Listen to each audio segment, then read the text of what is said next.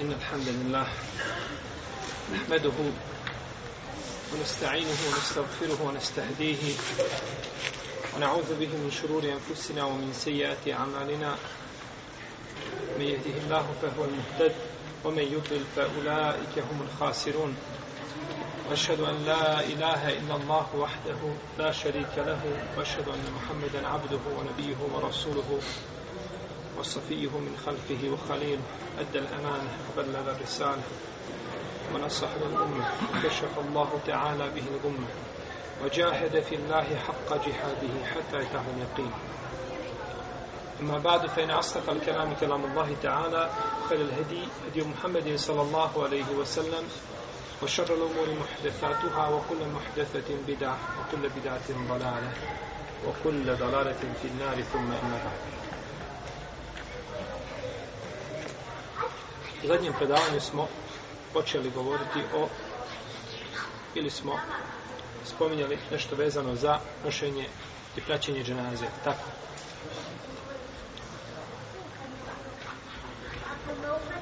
Ostalo nam je da pozorimo na jednu pojavu koja je puno raširena kod muslimana u arapskom svijetu, a imam osjećaj da je i kod nas počela da se širi. A to je voženje, znači, dženaza sa autima. Znači, ne nose se na ramenima, nego se dženaze prevoze autima. Prvo, ova stvar je potekla od nemuslimana, pa su je muslimani od njih naslijedili kao i mnoge druge stvari, što je samo po sebi dovoljno kao hukm ili kao propis. Jer je nama šarijet naredio da se razlikujemo od njih, da se razlikujemo od nevjernika. Dalje, voženje dženaze autom je suprotno sunnetu poslanika sallallahu alaihi wasallam i praksi muslimana kroz generacije.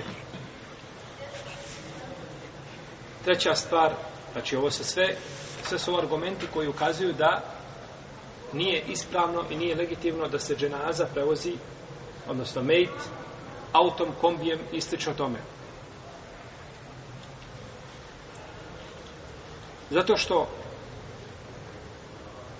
se time gubi ili blijedi osnovni cilj od nošenja dženaze, a to je da se čovjek prisiti ahireta. i u ovom slučaju biva broj onih koji prate dženazu puno manji, naročito ako se ljudi voze u autima iza dženaze. Je tako? Biva broj puno manji onih koji prate dženazu. I islamski učenjaci nisu bili nemarni prema ovom pitanju, kao prema bilo kom drugom pitanju koje se tiče šerijata. Pa su spominjali pitanje nošenja dženaze na, na, na, na, na devi, na jahalici, je bitno. Pa su to pokudili islamski učinjaci Hanefijske pravne škole i Šafijski i drugi, koji kažu, Ibn Abidin između ostali, to spominje Mame Neumi, da je to pokuđeno osim kada postoji potreba za tim. Ako je mezar izrečito daleko i ne treba merita prebasa mjesta na mjesto zbog nekakve potrebe, u tom slučaju su dozvolili, u protivnom kažu da to ne treba činiti. Dobro, šta da mi uradimo? Ako imamo mezar je daleko, recimo u pojedinim zemljama, mezar je glavno je na jednom mjestu. I nema drugog mezara. I ono, i ono je van grada, na primjer, 10 ili 15 km. Što da činim? Nemoguće je obavezati ljude da pješače 10 km donosi džanazu. To je opterećenje. Nego, tada je dozvoljeno da se vozi autom, no međutim da se stane bar jedan kilometar prije mezarja i da se onda nosi do mezarja. Tako da ne bi ljudima Tako da bi uradili sunnet s jedne strane i s druge strane da bi znači, uzeli osnovnu pouku, a to je prisjećanje ahiretu. U protivnom, ako se dženaza doveze iznad kabura, znači niko se ništa neće prisjetiti, neki koji su tamo na pozdravlju, ako ima više ljudi koji prate dženazu, neće ni vidjeti kako tabuta ni menjete. Tako da bi time, znači, izgubio se osnovni cilj od praćenja dženaza. Dženaza se može pratiti i to može biti ovaj a, posmatrano sa dva aspekta, da kažemo može biti ovaj obavljeno na dva načina. Prvo da se a, dženaza prati do mjesta na kome se klanja dženaza i da se klanja dženaza. To je prva, prvi stepen ili prva deređa. I druga deređa jeste da je pratiš od mjesta na kome se, nakon što si klanjao dženazu svakako, od mjesta na kome se klanjala dženaza do meza. To je drugi stepen druga deređa. Jer je došao u hadisu Ebu Hurere, koga bilježuje Buhara i Muslim, da je poslanik sallallahu alaihi wasallam rekao, ko prati dženazu, dok joj se ne klanja, dok ne bude znači obavljena dženaza namaz, ima jedan kiral. Nagrada mu je jedan kiral. A ko bude pratio dženazu do njenog ukupa, ima nagradu dva kirata. Pa su upitali Allahu poslaniče, a šta su to dva kirata? Pa je rekao ovaj, da su to da, kao dva brda, kao, brdo, kao dva puta brdo Uhud. Svaki od njih je kao brdo šta? Uhud. Ima jedna predaja kod muslima, sjećam se da kaže se o askaruhuma misle džebeli Uhud. A manji od ta dva kirata je kao brdo Uhud. Znači da onaj drugi šta još? Da onaj drugi još veći. Znači velika nagrada pripada čovjeku gdje god ima priliku da klanja dženazu, neka to ne ostane ni, ni pokoju cijenu, Pa bilo da čovjek ode na umru ili na hađ, vidjet će dole često, biva našla na hađu, posle svakog namaza je ovaj dženaza. I rijetko, rijetko kad da bude namaz da nema dženaza. I to ne jedna, nego koliko. Deset, petnaest dženaza, zavisi koliko bude. I ljudi nakon namaza odmah požure, vraćaju se u hotele, ostavi živi, bio klanjaj, uzmi, za, za, za, za to što klanja dženazu, uzmi nagradu. Za malo dijelo dobiješ, dobiješ veliku nagradu da čovjek ne treba znači propustiti nikako stanjanje dženaze, a ako ima mogućnost da je prati do mezara dok se ne ukopava, pa to je hajdi bereket i to je velika pouka, to je velika pouka za čovjeka. Jer braćo, ko živi daleko, ko živi utopljen u ovaj svijet i ne prisjeća se smrti, ne razmišlja da će se jednom dana vratiti svome stvoriti raze ođel, pa njegova pravila će biti poremećena u životu. Samo onaj ko se prisjeća smrti, kako kaže poslanik sallallahu alejhi ve selleme uzkuru hadimen lezzat sjećajte se onoga što će prekinuti vaše naslađivanje misle na smrt sallallahu alejhi ve selleme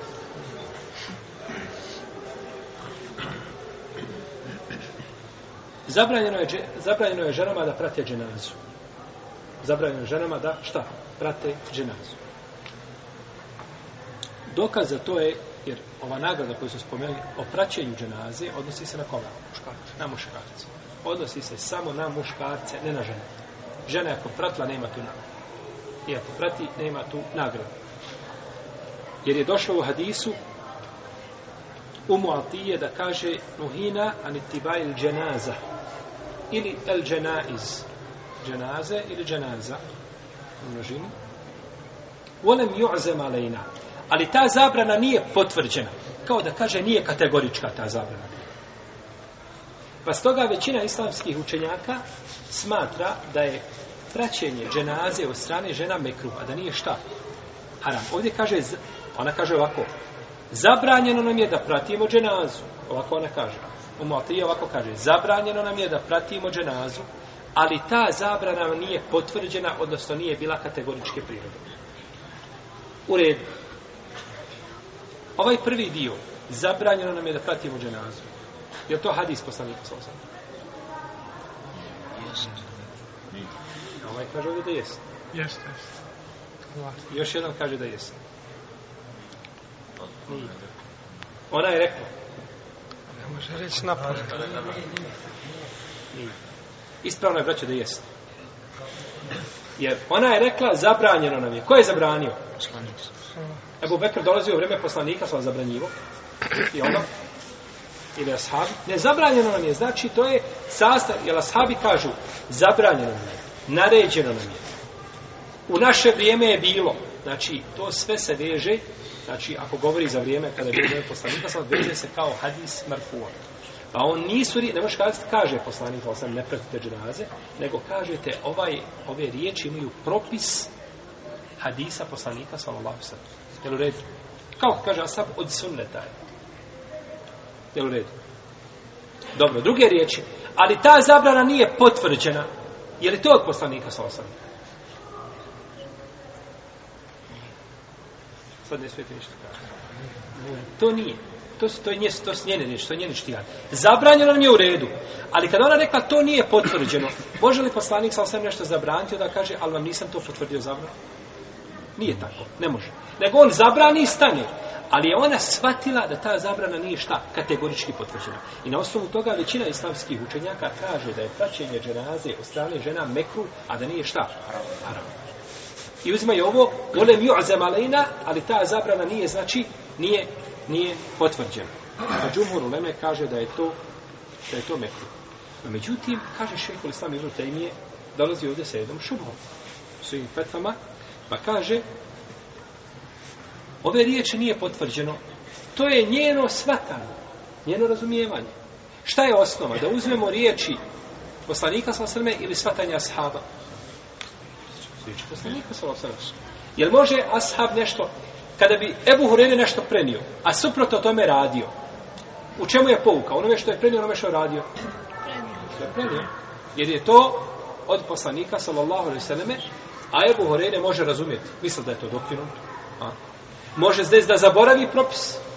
Je tako, dešavalo se i to s takvim Može se desiti, znači, da ga smatra da je vrijedio samo za poslanika, samo sveme, ili slično tome, pa radi suprotno. Uglavnom, pouka je onome što kaže ashaba, ne onome što je šta? Premijer. No, međutim, drugi učenjaci kažu, ravija hadisa, onaj koji prenosi, on ga najbolje pozna. Pa tako? Jer ono da kaže zabranjeno, ona je to čula. I dakle, ona to shvatila i razumjela, znači da je, da je i ne bi kazala, ona mi ozem, ali ina nijem potvrđeno, osim da je imala nekakav dokaz koji zaista ukazuje šta?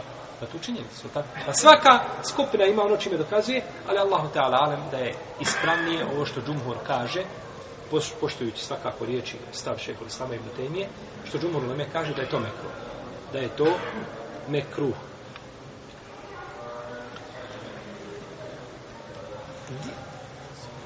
gdje idu ljudi koji prate dženazu? Znači, gdje će biti? Kako će prati dženazu? Način praćenja dženazu? Dozvoljeno je ljudima koji prate dženazu da idu ispred i iza dženaze. Da idu ispred i iza dženaze. Znači, jedno i drugo je dozvoljeno. Prenosi se od Denesa da je poslanik Salosaleme i Ebu Bekr i Omar da su išli nekad ispred, a nekad iza dženaze. Autor kaže ovdje dozvolje, e, bolje je čovjek da ide iza dženaze jer su došle, kaže e, to odgovara u stvari a, brojnim hadisima koji ukazuju na praćenje dženaze. Pa se prati dženaza šta?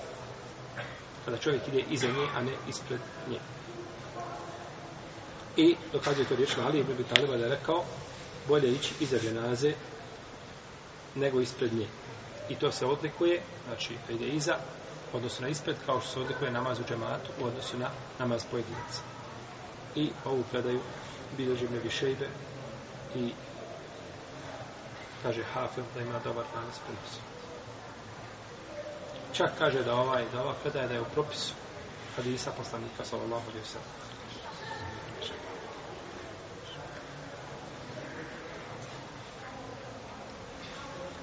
I ovo je stav Euzalija i Ebu Hanife iz Haka. Šta je stav? Da se ide iza dženaze. Dok kaže većina učenjaka da se ide ispred dženaze. Većina u neve braću kada se ide ispred dženaze. Ja ću vam samo ukratko pročitati ovdje. Možda se neke stvari ponoviti.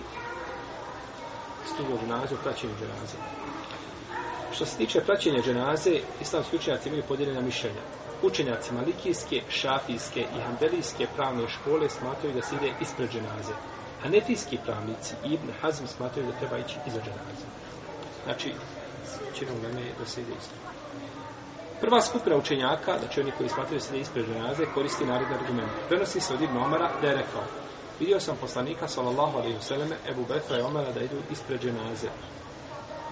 Sehl ibn Abi Salih prenosio od svoga oca da je rekao Ashabi Allahov poslanika sallallahu alaihi wa sallam su išli ispred dženaze.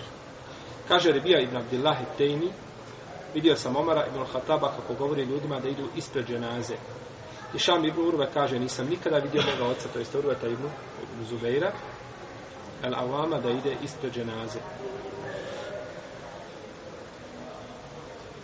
Osim da ide ispred dženaze, prosto znači uvijek više ispred dženaze kada bi stigao do Bekije medinskog meza, mezara, sjeo bi sačekao da prođe dženaza. I ovo mišljenje zastupaju drugi ashabi tabina.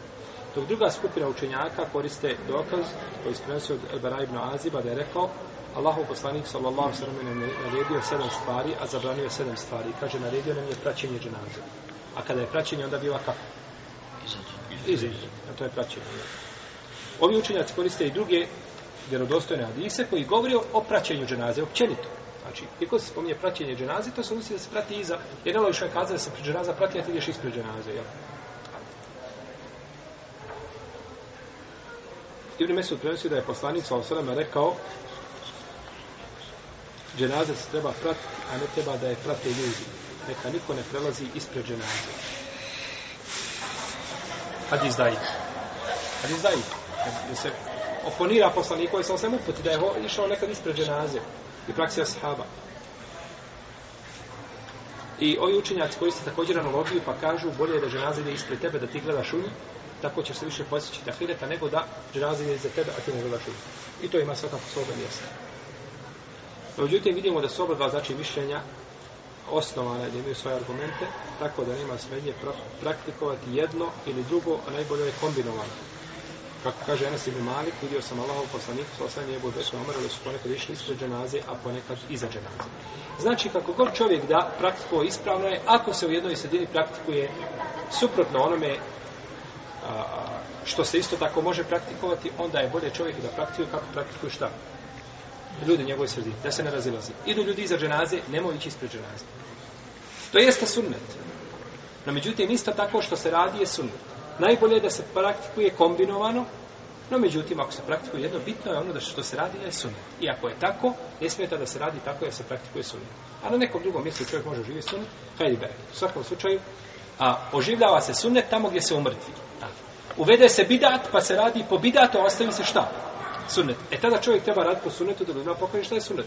Ali ljudi rade po sunnetu i ti tada dolaziš i praviš zbrku, to je neispravo. To je neispravo. Dozvoljeno je ljudima koji prate dženazu da je prate na jahalicama, danas na auti, autima je svakako da je prate, no međutim u tom slučaju idu isključivo iza dženaze. Ne idu, šta? Ispred dženaze. Jer se prenosi da je poslanik sallallahu alejhi ve sellem rekao kako bliže je budao i televizija sa ispravnim lancem prenosilaca a kaže jahač ide iza dženaze a čovjek koji hoda želi, ako želi ispred, ako želi iza dženaze. Znači, ovo je još jedna potvrda, ali nisko ne bude ovdje tenizije, da opet čovjek može, znači, ima pravo izbora da ide ispred ili iza dženaze. No, međutim, bolje je čovjeku, znači, da ide pješice. Ako može ići pješice, to mu je bolje i to je preče, jer je tako uglavnom učinio Allahom poslanik sam Allah sve. Kaže se oban, u predaju koju bliži je Budavud i imam Ahmed i Bejheqi, je dakle, hakim sa ispravnim lancem prenosilaca, da je jedne prilike poslaniku sa osreme dovedena jahalica da jaše dok je pratio ženazu, pa nije htio. Pa kad je završio sa ženazom, uzjahao je i vratio se. Pa se pitalo, Allaho posljedice, nisi htio prije ženaze, a posle ženaze su uzjahao. Pa kaže, ženazu su pratili meleki. Kaže, pa su hodali, a mene je bilo, stidio sam se da ja jašem, a da mi hodim pa nije jahao poslanik sallallahu alaihi wa Pa kad su, kaže, otišli, onda su uzimali. Etika prate, praćenja ženaze ili edebi koji se vežu za sljeđenje ženaze. Prvo da se ženaza ne prati sa vatrom. To fakrihi spominju, čim znači spominjemo nije prisutno kod nas, međutim, oni su spominjali, pa ćemo spomenuti usput i nećemo se znači, ovaj, širiti oko ovoga pitanja, zato što je nepoznato kod nas, hvala Allah, kada nema tebe notarije, bar koliko zna. Došlo u hadisu Ebu Horire da je poslanik sa osanima rekao, nemojte slijediti a, dženazu sa glasom, misli se na što? Na narica. Na narica mi se misli. I nemojte slijediti sa vatrom. I nemojte slijediti sa vatrom. I došlo je u vjerovostojnoj predaji od Amra ibn Asa, da je napisao u svojoj oporici, kaže, kada umrem, nemojte me pratiti sa naricanjem i sa vatrom. I ovo bilježava muslim u svom sahiju. Isto je tako došlo debu Horeire, da je na smrtnoj postelji poručio da ga ljudi ne prate sa vatrom. Drugo, druga stvar kada je u pitanju etika praćenja dženaze, jeste da čovjek šuti prilikom praćenja dženaze. Dženaze. odnosno da ne diže svoj glas pri tome. Ne samo naricanje, naricanje je jasno, nego općenito priča da ne bude znači sa povišenim glasom. Čak da se radi o zikru ili bilo čemu. Znači, treba pričati tiho i hodati, znači, oborene glave iza ženaze i prisjećati se onoga na što posjeća ženaze. Od Kajsa ibn Obada kaže Sahabi Allahov poslanika sallallahu alejhi ve su prezirali da neko diže svoj glas dok se dok prati dženazu. Ovo predaje bliži vam Bejeki, a prenosioci su pouzdani. A prenosioci su pouzdani. Kada kažemo, braći, da su prenosioci pouzdani, znači to da je hadis vjerodostajan? Ne znači. Hadis vjerodostojan ima pet svojih uvjeta. Da bi bio vjerodostojan, ima pet uvjeta koje mora ispuniti. U protivnom nije vjerodostojan. Prvo da je ravija povjedljiv. Znači, adalet, to jeste da je čovjek musliman. Da nije teški prestupnik i griješnik. Potom, da ima dobro pamćenje. Jel u redu? Potom, da je, da je lanac prenosilaca spojen. Potom, da nema iznimnih ovih mahana u lancu prenosilaca. Znači, ponekad imate lanac i on ima, da nije, znači da nema uh, skrivenih mahana u sebi. I da nije izniman. To je pet uvjeta. Dvojica se vežu za raviju i ova tri se vežu za senet. Da nije izniman, da nema skrivenih mahana i da je spojeno u lanci. To je vezano za senet. A ova dvojica se vežu za raviju. Kada kažemo da su prenosioci pouzdani, mi smo samo sudili ova prva dva šarta su ispunjena. A ova tri nisu. Ova tri ostala prazna. Pa kad se kaže, kad Olema kaže da su ravije pouzdane, to ne znači da je hadis sahih. Jel u redu? Kaže ravije pouzdane. Može li biti lanac prenostavca prekinuti? Može. Može. Ravije sve pouzdane, pouzdane, pouzdane, ali ovaj nije dočekao ovog nije Halid ibn Durek dočekao Ajše. Kada kaže, ušla je Esma radijallahu talana kod njega, u odjeći koja je providna, pa se okrenuo, kaže, o Esma, žena kad doživi puno ljetnost, ne smije se od njega tijela vidjeti ništa, pa je pokazano lice rešati. Halid ibn Durek, koji prenosio da Ajše, nije doživio Ajše. Pored toga što u tom lancu prenosio još tri mahane druge, to je priča za sebe. Ali spominjamo samo ovdje, zanima nas Halid ibn Durek, nije doživio Ajše. Oni su ravije su pouzdani, Halid ibn Durek je pouzdan. A međutim, nije doživio pa lanac prenosila se prekinut. Isto tako mogu biti ravije pouzdane, ali je hadis izniman. Oponira drugim hadisima. Ili mogu biti, znači, može biti ovaj, da ima skrivenu mahan. Može biti da hadis ima pri sebi skrivenu. Znači, kada se kaže ravije su pouzdane, to je samo jedan od išareta da bi mogao lanac biti pouzdan. A nikako ne znači da je pouzdan. Jel u redu? Ali ulema tako je spominjala često u svojim knjigama lanac a prenosioc pouzdan. I to je puno koristio imam el-Heysimi u svojom svojom idu međmaze vaj. I koristio to idu Hadžar i drugi. I to je poznato kod, kod hadijskih slušnjaka. No, međutim, samo da znate, znači kad se navede da se kaže ravije su pouzdane, to ne znači da je hadis sahih. Nikak. Može biti, a ne može. Što ne znači tako da nije. U redu. Ne znači da nije, ali ne možeš kazati, rekao je da ravije spouzdane i hadis je taj, taj učenjak cijeli bio dostojni, ne, nije tako, jer to bi bila nepravda prema islamskim učenjacima. Oni su da su htjeli kazati, da su mogli kazati hadise sa A znači dok je rekao ravije spouzdane, on ima razlog zbog koga je to tako rekao i zbog koga je tako opisao taj sebe. Dobro. Došli smo ovdje, znači, do predaje Kaj sa Ibn Bada koji kaže da su ashabi poslanika sa osadne prezirali, prezirali, znači da se diže glas prilikom praćenja dženaze. Prvo zato što u tome oponašanje kršćana, jer oni dižu svoje glasove, znači pri tome. Kaže imam je neovi, znaj, u svome djelu je zetjar, znaj da je odabrano i ispravno mišljenje preferirajuće ono na čemu je bio Selef ili prethodnici naših da se šuti kada se prati dženaza. Neće se dizati glas ni učenjem, ni zikrom, a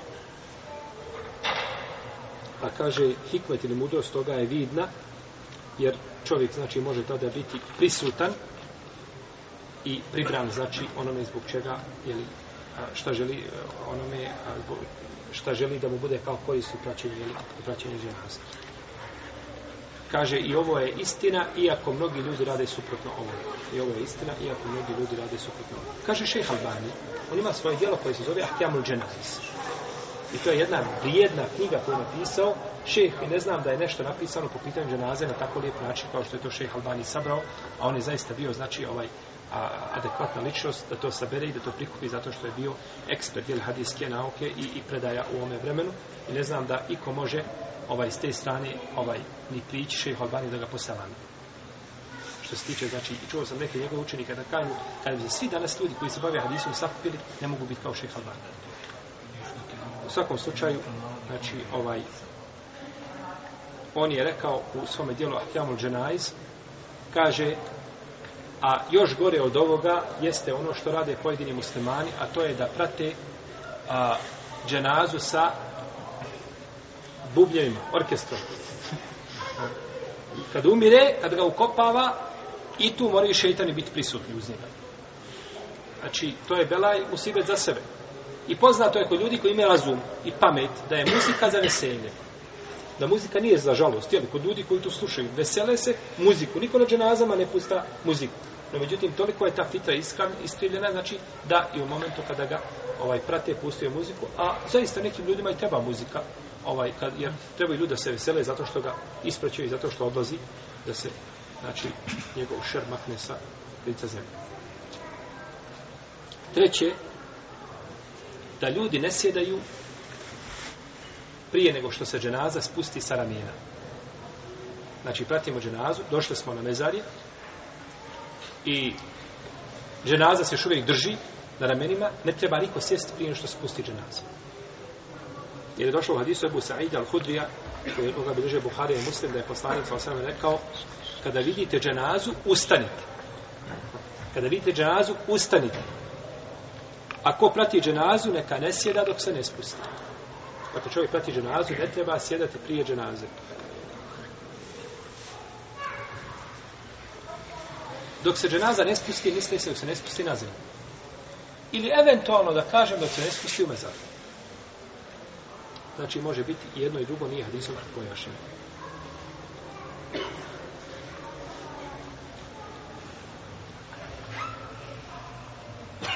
Većina učenjaka od ashaba i tabijina, tako prensi Ibn Muzir,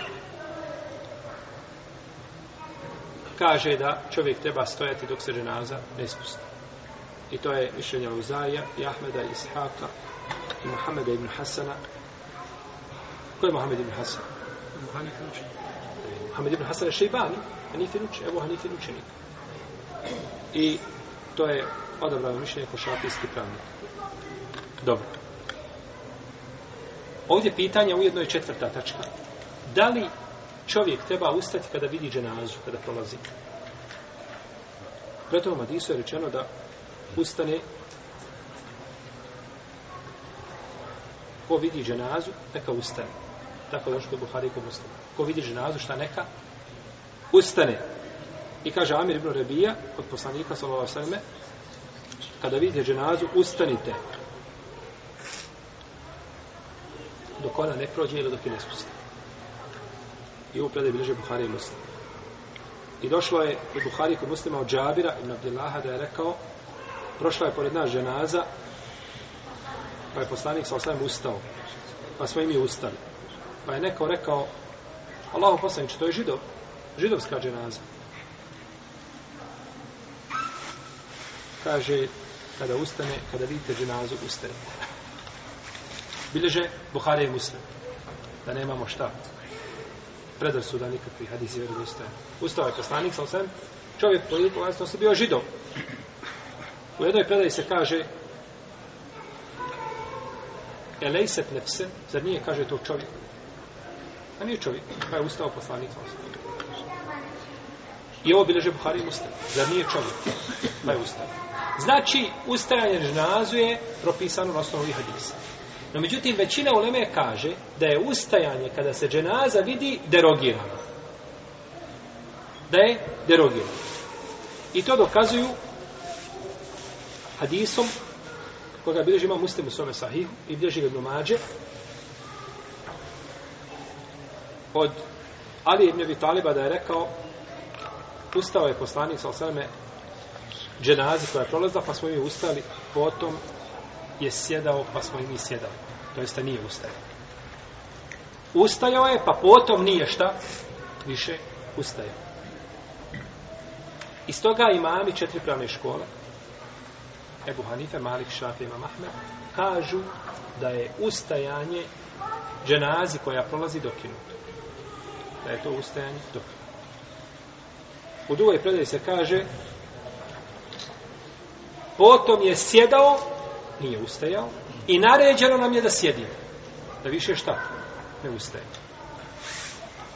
Dok kaže Ibn Hazm, Ibn Habib, Jel Mađšon od malikijskih učenjaka i neki šafijski pravnici, odabrao imam neovi, kažu, nije dokinuto, nego je ovdje prva naredba bila za dobrovoljno. Pa je poslanik sa osam pojasnio jednom primjeru da može se, a u drugom primjeru da nije obavezno. Jer kaže, ako se mogu pomiriti dva argumenta, preče je pomiriti nego, nego tražiti dokinuti i dokinući argument. U svakom slučaju, ono što odaberu uč, a, e, imama čet, imami četiri pravne škole i izrazita većina njihovih sledbenika, i ima argument koji kaže da je to Allah dala da je to preče, da je to preče slijed. Pa bi se smatralo, znači, ustajanje dokinuto. Ako kaže da nije dokinuto, želeći pomiriti dva argumenta, da ih pomiri prije nego što traži dokinuti i dokinući argument, neće više od tala smjeti.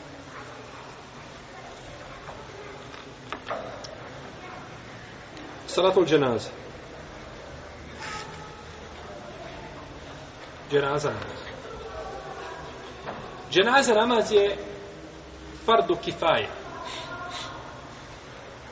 Kaže autor, i da fa'ale, i da fa'alehu ba'du muslimine, sakata anil baqin. Ako je obavi jedan dio muslimana, spada sa drugim. Smo kazali, ovo smo definicije govorili. Znači da ova definicija nije na mjestu. Ovo ovako se općenito kaže. Obični svijet može kazati ovu definiciju ovako. Šta uradi jedan dio muslimana, spada sa drugim. No međutim, čovjek koji se bavi naukom ne sve tako govoriti. Jer nauka znači ima precizne termine i riječi i mora se služiti znači, tim terminom. Tako da bila preče da je autor rekao ono što uradi dovoljno broj muslimana ili ako uradi ga dovoljno broj muslimana spada sa drugim. Nema sumnje da je to autor ciljao tako, tako. Nema sumnje da je to ciljao tim riječima, ali termini nisu potpuno precizni pa ih treba, treba ih promijeni.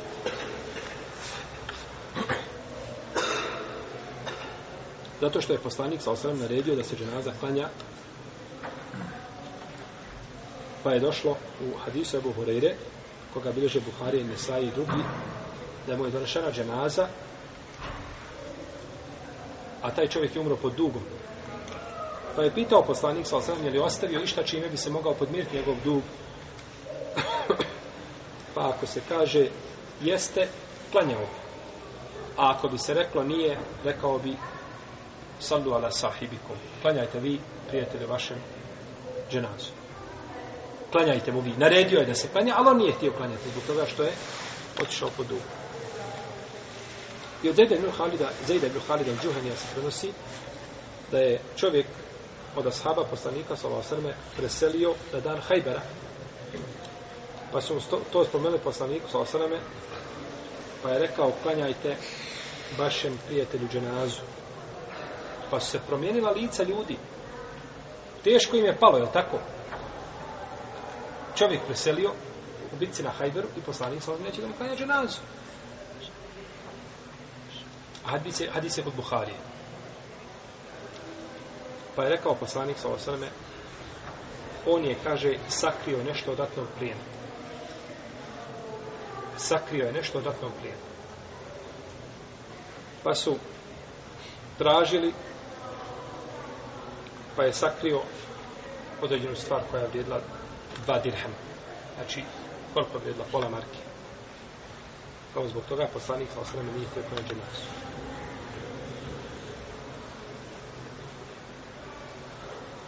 Odlika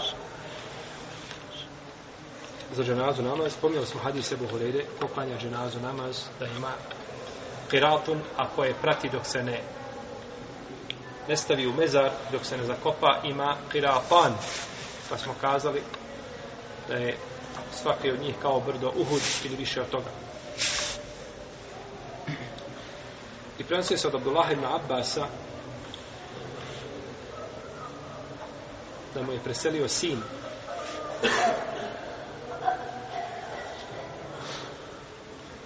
Pa je rekao O Kurejn, pogledaj koliko ima ljudi, jesu se ljudi iskupili za dženazu.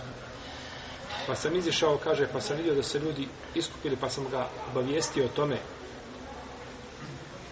Pa je rekao, ima li ih 40? Kaže, ima. Pa je izišao, kaže, čuo sam poslanika, sa osreme, da kaže, koji god musliman preseli, a 40 ljudi mu klanja dženazu koji Allahu druga ne pripisuju da će Allah primiti njehovo zagovorništvo. A od Ajše radi Allah da se prenosi predaj koji obježiva muslim, prethoda isto tako kod muslima, da je rekao neće čovjek umrijeti a i da mu klanja dženazu stotinu muslimana tražeći zagovorništvo za njega da to uzvišenje Allah ne prima. Svakako pod uslovom, jeli, koji smo pretim ispomenuli da, da širk načinje Allah za to da su muslimani.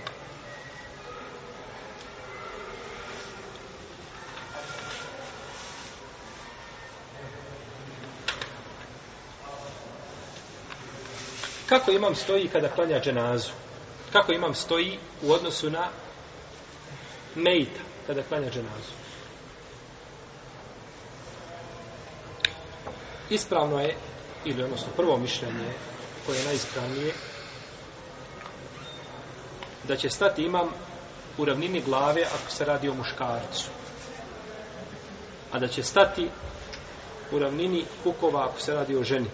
I to je mesad imama Šafije i Ahmeda i Ishaqa i odabrali su ga neki hanefijski učenjaci. I kaže Šaukjani, to je odabrano mišljenje. I to dokazuje hadisom Enesa da je poslanik sa osvrame klanjao dženazu i da je stao u pravcu glave kada je bio pitanje muškarac, a u pravcu kukova kada je pitanje bila žena. I to bilježi imam Tirmizi i Ebu Davud i kaže Tirmizi da je hadis dobar. I prenosi se kod Buhari i kod muslima od Semure ibn Džundupa radijallahu anhu da je rekao klanjao sam iza poslanika sa osvrame ženi koja se zvala Umu Kjab. Umrla je u Nifasu, pa je poslanik sa osame stao na sredinu nje, to jest u pravcu njenih kukova. U redu. Drugo mišljenje da stoji u ravnini prsa. Bilo da se radi muškarci ili ženi. I to je mišljenje anefijski pravnik. Imate u knjizi o dženazir, 81. stranica, ovome je pitanje, pa ko želi količine, ko pogleda više vidimo ovdje da većina učenjaka ima hadises. Da se muškarci staje u ravnini glave, a ženi u ravnini kukom.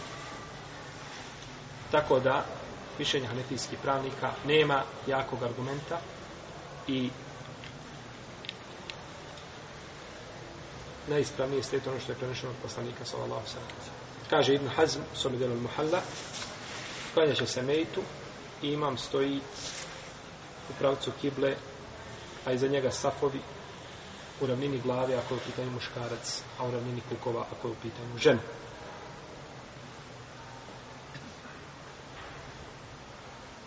Lijepo je imamu da poreda ljude iza sebe u tri safa, ako ima malo ljudi. Ako ima malo ljudi, da ih poreda u tri safa. Ako ima devet, u prvi stavi četiri, u drugi stavi tri, u treći stavi dva. Tako će ih porediti, ako ima devet ljudi.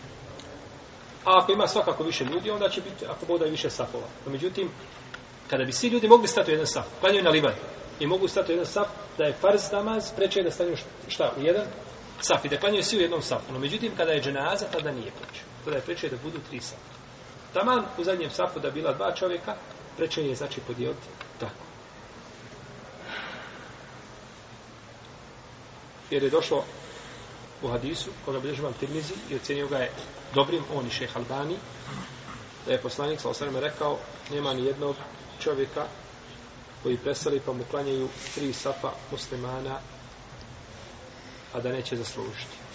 Što da neće zaslužiti? Njihovo zagovorništvo, džennet, Allah, ta'ala. Jel, ovo svakako odnosi da, znači, klanju čovjeku koji je vjernik, musliman, umro na tevhidu, na la ilaha ila Allah. A nikako znači ljudima koji su izišli van okvira islama ili su bili munafici i sveće o tome. I što god više ljudi ima da klanju dženazu, to je bolje svakako za mejta, jer je došlo u hadisu poslanika sallallahu alaihi wa sallam, nema, znači, jednog muslimana koji presili, a da mu ne klanja stotini ljudi dženazu, a da uzviše nema neće primiti od njihovo zagonište. Tako je došlo od Isu Ajše, o kome smo već govorili.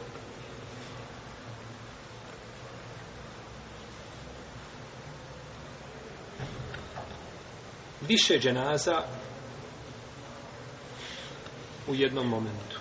Ili ovaj, klanjanje jednog namaza za više ljudi. ako se nađe znači više dženaza bilo da su muškarci ili žene imam može klanjati svakom mrtvacu ili svakoj dženazi dženazu po nosu a može tako isto tako spojiti i sviju i objediniti to jednom šta jednom dženazom dozvoljeno je jedno i i drugo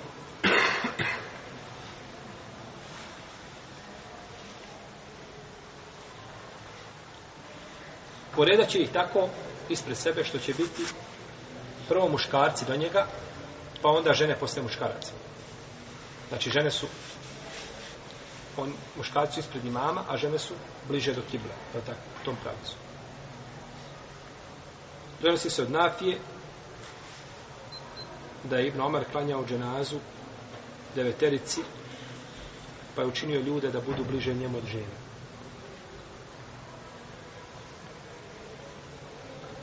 i poredao ih svi u jedan sak, to jest u jednu ravninu. Sve je znači poredao tako da budu svi ispred čega? Ispred imam. Da budu svi ispred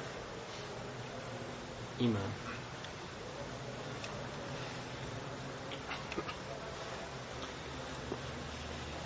I kada je donešena dženaza Umu Kulsum bintu Ali, čija je to žena bila? Umu Kulsum. Umu Kulsum.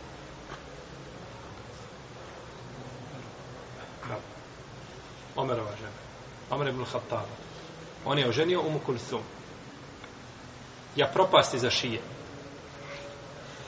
Ja propasti za šije kada kažemo da je Alija udao svoju kćerku za najgorega lahog roba koji je kročio po zemlji po njihovom batil mišljenju, to je Omar Ali Zato neki od njih imaju od svoga džehla i od svoje malo umnosti, tek vide čak i Aliju. Pa kažu i Alija je kao i on. Pa zašto? Kažu zato što se je popeo u mimbar na kufu i rekao, ljudi, najbolji čovjek ome umetu je Ebu Bekr. Potom Omer, ako hoćete spomenuti ću mi treće. Pa je Alija, znači, digao zastavu rata protiv njih. Koji, znači, dire i vređe Omer, radijallahu ta'ala, Ebu Bekr. Budao je svoju čerku za Omara, radijallahu ta'ala, i nije sebi mogao naći, tako mi Allaha uzvišenog, nije sebi mogao naći boljeg zeta. Na zemlji, nakon smrti Ebu Bekra.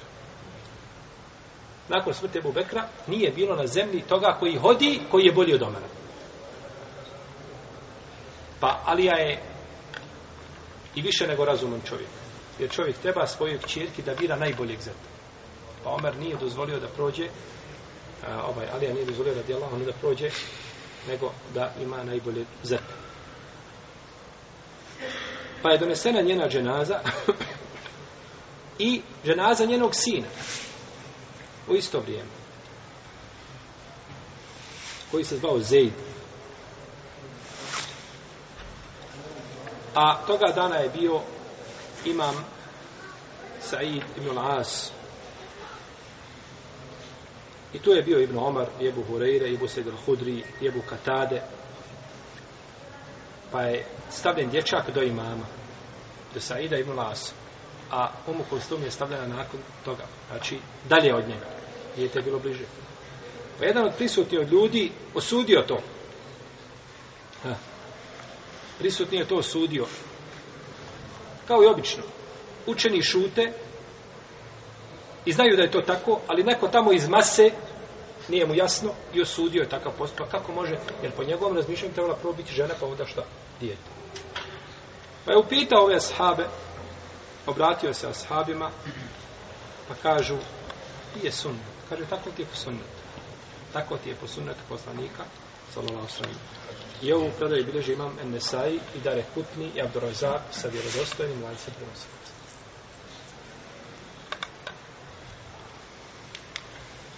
Dozvoljeno je ženama da klanjuju dženazu.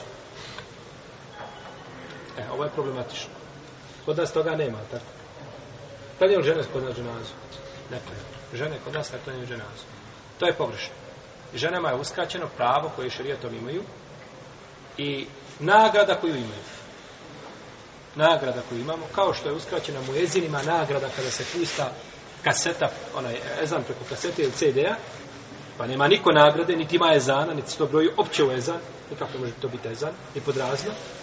Tako je uskraćeno i ženama pravo da klanju dženazu. U redu. Zabranit ćemo i da pratu dženaze. Jer je poslanik zabranio praćenje dženaze. Ali ne možemo zabraniti klanjanje dženaze. Nema argumenta koji brani klanjanje dženaze u stane žena. I potpuno razumljivo. Na dženazi dok se klanja neće, nijedna neće na dženazi naricati. Jel tako? Nema naricanja. Svaki čovjek na dženazi. Jer nema učenje. A kada se prati, može biti naricanje. Pa zbog toga pratiti nećeš, a možeš klanjati, možeš klanjati dženazu.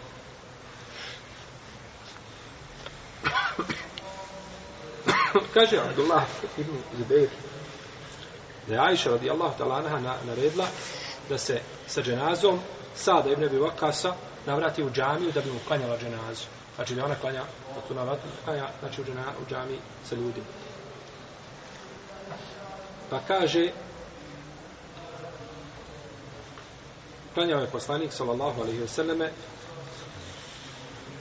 dženazu Suhejlu ibn Bejdau i njegovom bratu u džamiji.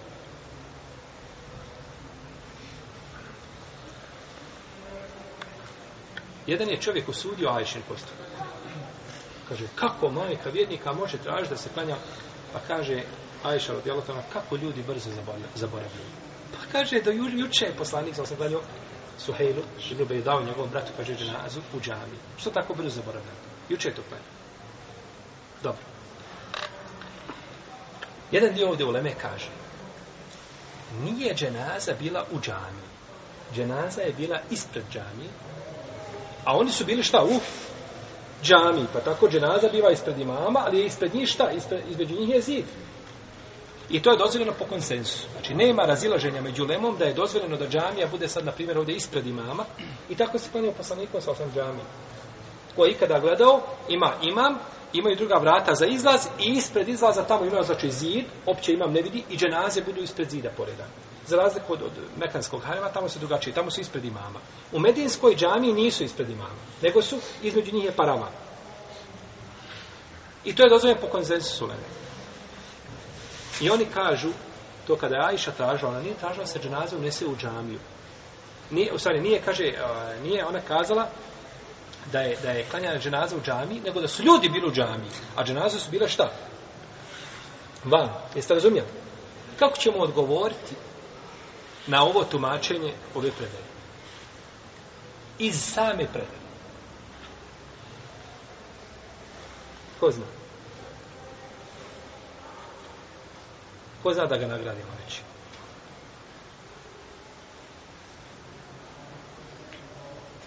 Kako je išla hadis? Već?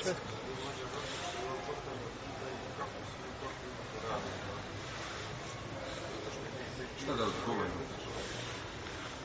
Oni su kazali, Ajša, pazite ovako, Ajša radi Allah od Alanha kaže, kad budete prolazili pored džamije, da vratite sa Sadom i Nebi Vakasom u džamiju da mu klanjam, da mu klanjam dženazu. Pa se neki opirali, pa ona kazala, poslanik je klanjao Sehru, e, Suhejlu, uh, Ibnu Bejbao, njegovom bratu, dženazu u džamiji. Kažu, on je klanjao u džamiji, ali je dženaza bila van džamije. Kako ćemo mi sa ovom predajom dokazati da je dženaza bila unutar džamije? Kaže to je. Bravo. Pa ona kaže dođite sa njim u džamiju da klanjamo. Pa kada je rekla dođite u džamiju, onda je dokazala to postupkom čim? Postupkom poslanika i sallallahu Kaže on nije klanjao dženazu njima nego u džami.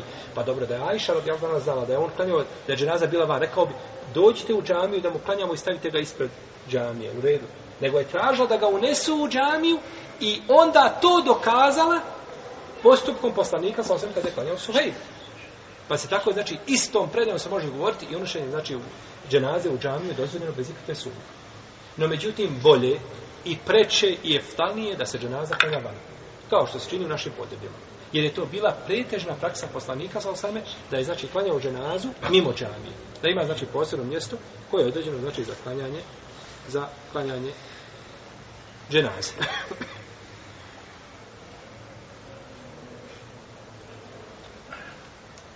I tako većina muslimana danas praktikuje. Čim je posebno mjesto gdje se napolje znači klanja dženaza, a ako ima potreba radi kiše ili nekog drugog razloga, onda nema znači smete da se panja u džami Allah ta'ala sallallahu ala nabina Muhammed wa ala alihi wa sahbihi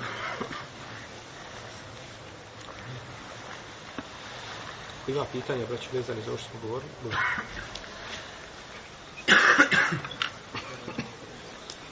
dobro bolje klanjati ispred džamije, znači gdje su gasuli ili ispred mezarja koji dalje gdje imamo ono, ima ploče kamen gdje se stavi i gdje, gdje se ljudi skupiraju. Gdje god da se napravi. Nikakve smetje nema. Bilo da se nosi med, pa da mu se negdje kanja tamo dženaza, mimo mezara, da nije mezara, sad kako? Doćemo kako, je, doćemo kako je to dozvoljeno kada je tu mezar, doćemo i to pošli. A, znači, gdje god da mu se klanja, ispred džamije pa da se nosi, da se dođe do blizu mezara pa da ima posebno mjesto klanja, pa se onda nosi na mezara, sve je to više ispravno nema, nema u tome nikakvog ovaj, nema spoja. utakmice. Kod nošenja dženaze, kod nas je običaj, ono, dok nose dženazu, ljudi non stop ono, prolaze ispred. Pa, onaj, tako reći, s ruke na ruku nose dženazu non stop. Dobro. Ako, ako bi to radili, recimo, na ramenima, dok nose non stop ruže u red. Ne smeta, ali, ali to, to uh, nošenje, bojim se da, da to ne odgovara, da treba prelaziti i preuzimati dženazu a ne znači sad da ljudi stoje u kolonama i samo jedan drugom. To nije nošenje. To nema nošenja dženaze. Čovjek na takav način nije nosio dženazu. Samo doda iz ruke ruku. Ne doda iz ruke ruku. Možda to može s jedne strane biti nošenje, jer dženaza je prešla preko ruku. Ali se kaže, nosi se na ramenima. Nema ramena ovdje. Nego ti uzimaš, znači, mm. samo se... Tako da je preče, Allahu alem, da se dženaza nosi na ramenima jedno vrijeme, pa da ljudi pređu, pa da preuzme jedno drugi, tako da svako učestvo je nošenje, jer isto tako za nošenje velika nagrada, U svakom slučaju, ovaj, e, to je ono što se razumije iz pojašnjeg značenja hadisa.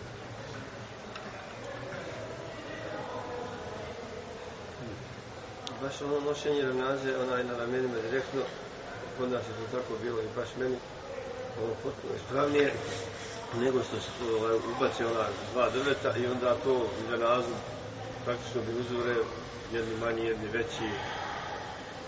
Ja mislim, ono,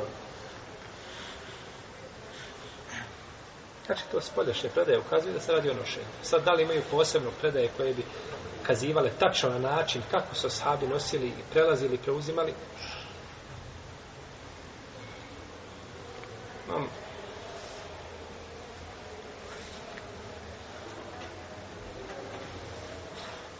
Ja se da se to preuzme, ja mislim da sam spomnio u knjizu od džanaza koje je neko čito o načinu nosenja pri preuzimanju džanaza.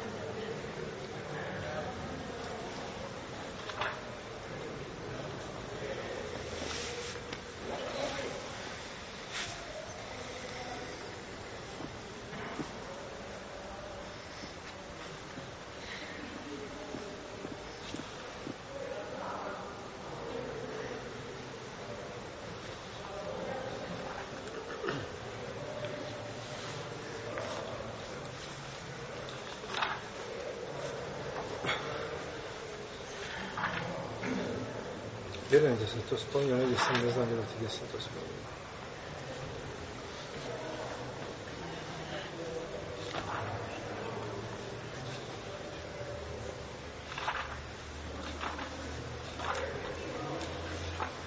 Ima pitanje, recite samo.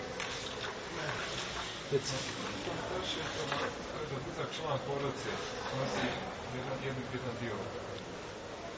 Pa budu znači kod nas je to praksa. Pa neko cijel kada oca nas je na kratku. Ono se ovi... Ono, ono drvo napisa. Ono,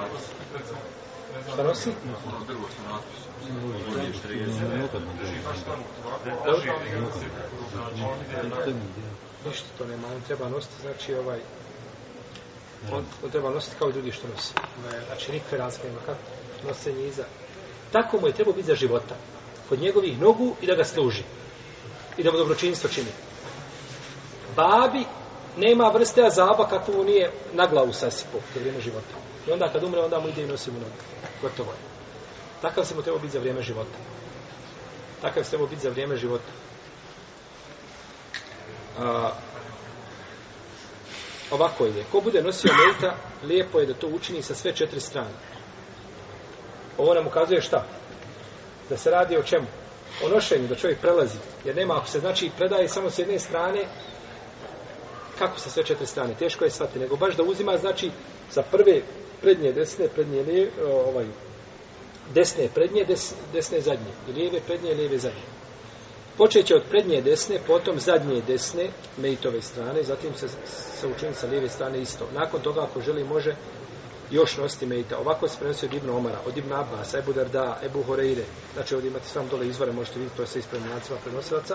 Da su ostali mejta. U jednoj slaboj predaji se a, prenosi od Abdullah ibn Mesuda da kaže da je osunata nosti mejta sa sve četiri strane. Jer kad ovdje prethodno imamo postupke ashaba, sad Abdullah ibn Mesud kaže da je osunata. A kada je da je osunata, to se veže za koga? Da poslanik. E, ta predaja je slaba. Jer uvijek, ta predaja je slaba. Međutim, ko je počeo sa lijeve strane na dženazu, ne samo s jedne strane, ne zaslužuje ukor, Allah ne bude zna. U sunetu Allahu poslanika, sa osam, nema validnog hadisa koji precizira samo kako nošenja, ali praksa prvih generacija ukazuje da se medit nosi na ramenima. Dobro, ovdje će nošenje. Znači, da, da se nosi, vallahu ala, možda ono zaključuje, znači, da se postupaka, da se iz postupaka sa ovoj se isključuje, jeste da se nosi na ramenima i da se nosi sa sve četiri strane i to nam sve ukazuje da je preče da se medit šta? nosi, da se prelazi, znači s jedne strane pa druge strane, nego da se sto, da stoje ljudi ovaj a, to recimo gore u, kraj, u Kajni se to ne rada. Nisam nikad vidio, ja sam prvi put to vidio ovdje. A ljudi stoje, znači tako i da prebacuju gore se, znači obavezno prolazi, samo što se me istinalo ne nosi na ramenima, nego se nosi na ovako, u visini, u visini pojas, ovako se drži, znači sa, sa dvije strane, u visini, znači. Molim, Tu je dozvoljeno, to je ispravno što tiče prelaženja, to je preče, ali se ne nosi na ramenima, to je pogrešno. Treba gore da se nosi, da se dženaza vidi. Ovako izgleda dženaza sakrivena, ti ideš, nigdje nikoga ne vidiš. Nego dženaza kada je dignuta, onda svako vidi dženazu i to jeste cilj da je vidiš. Pa zato sam ja sve to i rekao, onaj, ono, ono, drvima što nose, stvarno onaj, mislim, po meni, ja ne znam, ono, pogrešno, jer da se vidi dženaza na ramenima, a ne na onim drvima i meni se ljulja tamo malo, i nosi se nisko je. Mm. Puno ima nad na mjesta gdje se nosi na nisko. Gdje tamo? Šta je?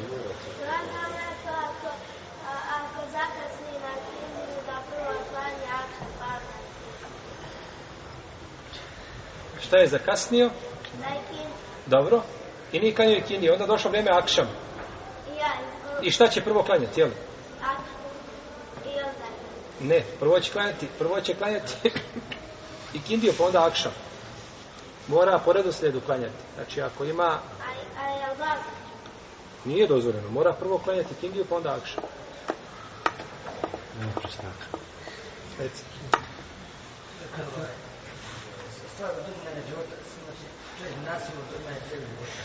Dobro. Dobro.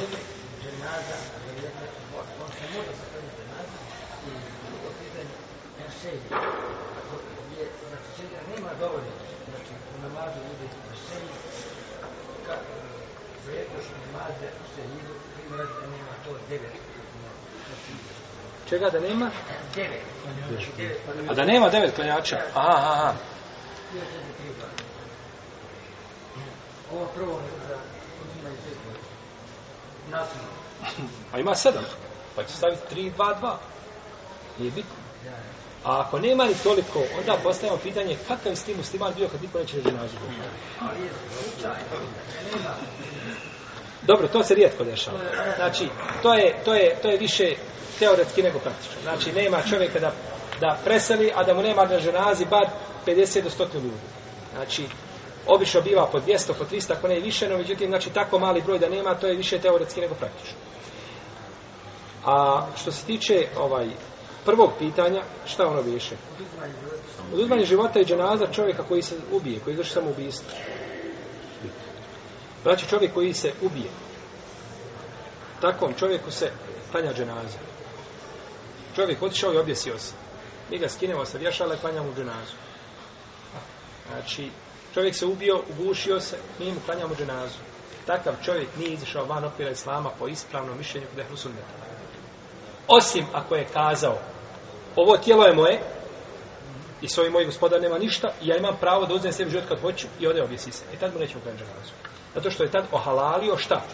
Samoubistvo. A ohalal samoubistvo je nevjerstvo.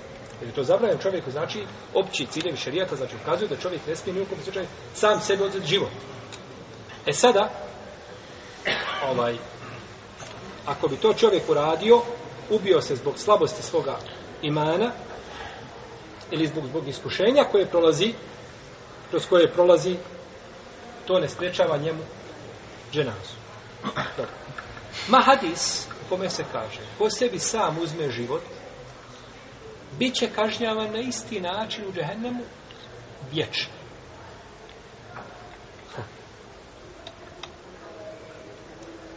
Sad ovo, ovo je malo problematično mi kažemo da mu klanjamo dženazu, a ima hadis kome kaže da će biti klanjamo u džahnemu kako? Vječno. A vječno su džahnemu ne kaže, a nego ko? Nevjerni. Kako sad na jedan put možemo nevjerniku, kako ispada nevjernik klanjamo dženazu? Šeh, može jedno pitanje. Samo da završimo, pa ćeš biti. Ti se Ovaj, braćo, ovaj hadis, Morate me dobro slušati. Ja sam pogrešno razumio. Ovaj hadis je došao kod imama muslima. Sahih. Ovako da će biti vječno, kaže. Ali ulema kaže da ova riječ vječno da je problematična. I da ona nije od hadisa. Sad ću neko kazati šta to znači. Znači to da kod muslima ima hadis koji je daji? Ne. A to kajem, dobro me slušajte. Moj da kod ovde ode, i onda tamo negdje nešto prenosi i priča i kaže, čuo sam jednom predavanju da u muslimovom sahihu ima belaja. Ne. Svi sa hadisi koji su kod Buhari i kod muslima su sahih. Ali kaže Ibn Salah u svome djelu Muqaddime, kullu ma fi sahihejni, sahihun illa ahrufin jesire, te kelleme fiha ehlul ilmu. Sve što je u dva sahiha je vjerodostojno, osim sitni harfova kojima su prigovarali neki hadijski eksperti. Šta su sitni harfovi? U jednom se hadisu kaže, kod poslanika, sa osaname, da je najbolja sedaka, sedaka koju čovjek udjeli, pa ne zna desnica šta je udjelila ljevica. Je u redu? Je li tako ide hadis? Ne ide. Hadis ide da ne zna ljevica šta je udjelila šta? Ne zna. U jednoj predaji, kod muslima u Sasihu se kaže da ne zna desnica šta je udjelna ljevica. Dobro, šta je ispravno? Ispravno je da ne zna ljevica šta je udjelna. Dobro, je taj hadis daiv? Nije daiv, nego je došlo do ravija je pričao i samo je obrnuo šta? Mjesta riječima, ništa drugo. Hadis je sahih. Da ne bi ko shvatio, kaže ne. Zato je imam muslim spomenuo prvo verziju, da ne zna ljevica šta je udjelila desnica, pa onda ti spomenuo verziju u kojoj se navodi da ti ukaže da je došlo šta do obrtanja. Hadis je kao osnova hadisa. Ovaj hadis ostaće u džehennemu je sahi, ali riječ vječno je problematična. I zato su osvrtali se kritički na tu riječ veliki hadijski eksperti. Pa kažu ta riječ vječno, jer braćo, često se u hadisu pazite. Mogli su sad otvoriti jednu, jednu priču vezanu za, za, za hadijsku nauku, oni se da ste optereti to i neće imati vremena da završimo. Ponekad učenjaci kažu selek je, dža, selek je džade, izlišao je, izletio na glavni put. Ravija izletio na glavni put. Šta znači Ravija izletio na glavni put? Znači, Hadis se prenosi od Ibnu Omara. I Ibnu Omar nešto radio i Ravija tamo iz drugog hiržnog količa koji prenosi kaže od Ibnu Omara od poslanika. Jer Ibnu Omar štalno prenosi od koga? Od poslanika. I ovaj odmah izletio na glavni put i otišao do, do poslanika sa osadom. Jel u redu? Nije se zaustavio kod Ibnu Omara.